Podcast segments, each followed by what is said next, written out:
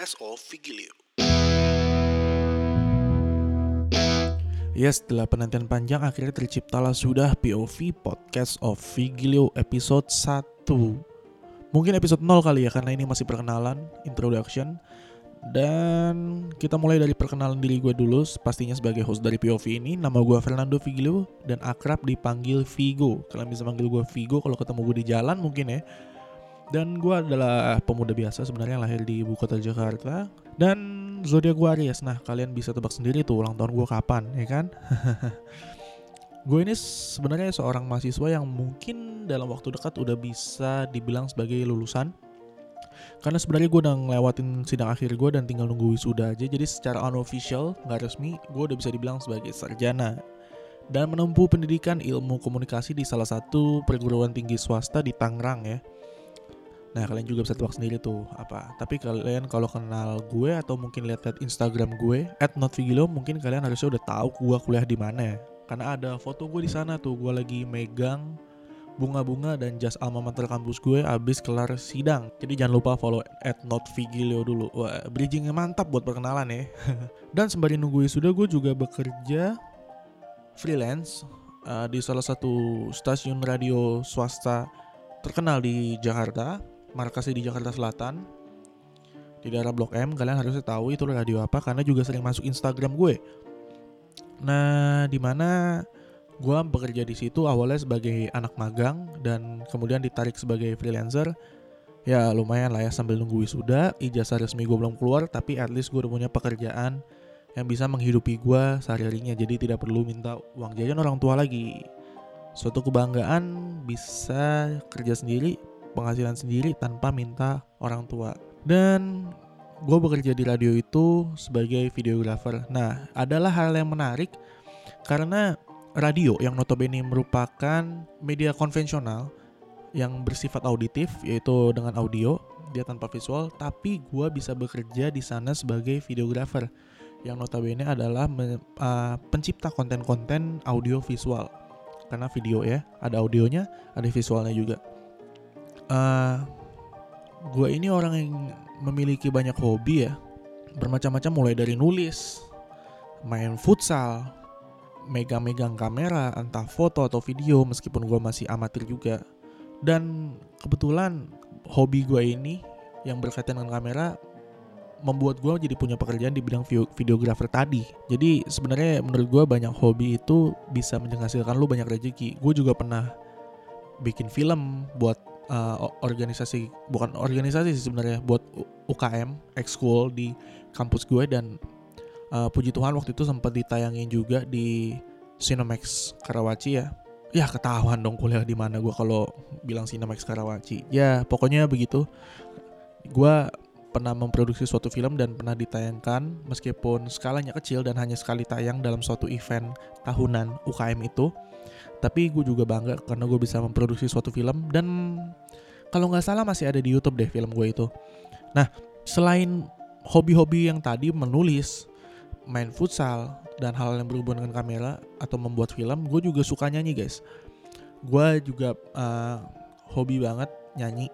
Salah satu hobi yang menurut gue uh, paling worth it sih buat dilakuin. Gak cuma nyanyi sebenarnya bermusik karena basic musik gue sebenarnya pertamanya bukan nyanyi, tapi gue pernah ngeles gitar klasik. Bahkan sebelum gitar klasik gue pernah kelas 4 SD itu gue ngeles piano klasik. Meskipun tahan cuma satu tahun dan gue nggak ngelanjutin lagi sekarang gue kalau main piano atau keyboard juga cuma ala kadarnya main chord doang. Gue nggak bisa main yang sampai kayak sampai kayak siapa ya? Sampai kayak Mozart gitu gue nggak bisa coy. Dan basic gue yang benar-benar basic gue mendalami musik adalah fingerstyle gitar. Waktu itu gue terinspirasi sama Om Jubing Kristianto sama Song Hajung juga ya. Pernah viral di masanya Song Hajung tuh. Sampai bener-bener gue pantengin setiap hari gue pulang sekolah gue YouTube gue buka Song Hajung gue cari partiturnya. Waktu itu ada website yang menyediakan partitur-partitur untuk di download gue pelajarin tuh satu-satu lagunya dari yang mudah dan bisa gue kuasai dengan mudah sampai yang susah dan akhirnya gue berhenti di tengah jalan dan gak menguasai lagu itu.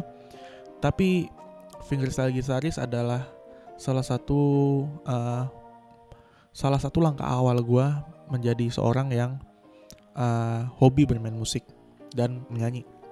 gue mulai nyanyi itu kelas 11 keterusan sampai sekarang gue masih bisa nyanyi. Gue pernah ngikutin beberapa event. Salah satunya highlight yang paling besar itu gue pernah sama band gue namanya Forever Within Days. Tapi sekarang kita lagi hiatus karena gue gua sibuk kerja temen gue drummernya namanya Kenny. Dia lagi sibuk pemulihan kakinya cedera lututnya. Dan Vito dia sibuk ngalor ngidul sama band lain karena gue sadar gue nggak bisa kita Forever Within Days ini belum bisa ngasih wadah yang cukup untuk dia bermusik. Dan gue cukup senang sih teman gue si Vito ini dia bisa uh, memiliki wadah untuk bermusik sama band lain. Dan gue senang dia bisa ngelanjutin musiknya di jalan dia. Tapi bukan berarti kita bubar kita pasti akan main lagi suatu saat ditungguin aja. Oh ya highlight event. Gue pernah manggung di depan 2000 orang. Waktu itu acara semacam acara charity run gitu. Dan uh, finishnya adalah di The Breeze BSD gue manggung di depan 2000 orang pas closingnya. Gue waktu itu dan itu event pertama gue nyanyi. Sebelum uh, setelah sebelum sebelumnya tuh gue kalau di band gue tuh cuma jadi backing gitaris doang karena gitaris gitaris utamanya leadnya itu adalah si Vito tadi dan gue cuma rhythm doang biasanya. Atau enggak gue main bass malah. Dan di event gitu gue malah nyanyi di depan 2000 orang untuk pertama kalinya di atas panggung. Gila. Bener-bener suatu pengalaman yang unik menurut gue dan gue ingat banget kita bawain 6 lagu di sana. Banyak banget kita sampai habis biaya latihan berapa dan waktu itu nggak dibayar karena emang kita band sukarela. Namanya juga charity run ya kan setelah itu puji Tuhan banyak mulai manggung-manggung lagi mulai dari reguleran di mall-mall kecil terus uh, mingling jadi keliling-keliling mall waktu Natal tuh kita nyanyi-nyanyi lagu Natal. Sampai waktu itu gua bukan waktu itu sih tahun lalu 2018 itu di kampus gue ada konser amal namanya awareness project. Jadi itu uh, untuk raise awareness terhadap mental health dan depression khususnya di kalangan anak muda gua terlibat sebagai vocal director dan musik director secara bersamaan sekaligus performer juga guys. Jadi kebayang waktu itu gue stres banget tapi gue seneng. Lagi-lagi gue masih diberikan suatu pelajaran atau pengalaman yang benar-benar nggak akan gue lupain seumur hidup. Itu highlight gue di tahun 2018 dan mungkin salah satu yang terbesar di hidup gue mungkin ya sejauh ini. Jadi gue seneng banget nah. Sebenarnya uh, motivasi gue bikin podcast ini sebagai wadah untuk sharing aja sih. Mungkin terlalu banyak ya otak manusia tuh terlalu banyak menyimpan pikiran-pikiran yang sebenarnya baik untuk dibagikan ke orang lain. Tapi terkadang manusia itu nggak memilih untuk membagikan itu. Dan menurut gue kalau misalnya gue bisa membagikan sesuatu yang baik untuk untuk siapa pun yang dengar podcast ini ya kenapa enggak? Dan dan juga gue termotivasi oleh sebenarnya teman-teman sekantor gue di radio itu di mana mereka kerjanya tuh nggak cuma di radio doang. Mereka memiliki kerjaan yang banyak di radio itu tapi mereka masih sempat untuk nyari sampingan bikin karya untuk diri mereka sendiri. Contohnya ada yang bikin ada yang rutin bikin vlog juga. Ada yang rutin bikin konten buat sekedar buat instastory mereka supaya menarik dan gak monoton. Ada juga yang bikin misalnya event-event di luar dia rajin dia ikut uh, WO dia ikut IO dan dia suka jadi volunteer di acara-acara konser. Bahkan ada juga yang sampingannya jadi MC dan dan uniknya mereka belum penyiar. Kalau penyiar sampingannya jadi MC wajar. Memang masih dalam satu arah dan satu jalur gitu kan. Kalau mereka kalau yang gue bahas ini dia jadi MC tapi dia bukan penyiar. Itu kan lucu ya tapi itu juga yang memotivasi gue oh mereka aja bisa bikin konten buat diri mereka sendiri. Harusnya gue juga bisa dong. Doain aja semoga podcast ini ke depannya lancar tadi sebagai wadah sharing dan sebenarnya akan menjadi tempat gue berkeluh kesah sih dan akan gue jadikan untuk wadah diskusi juga hopefully. Diskusi yang baik.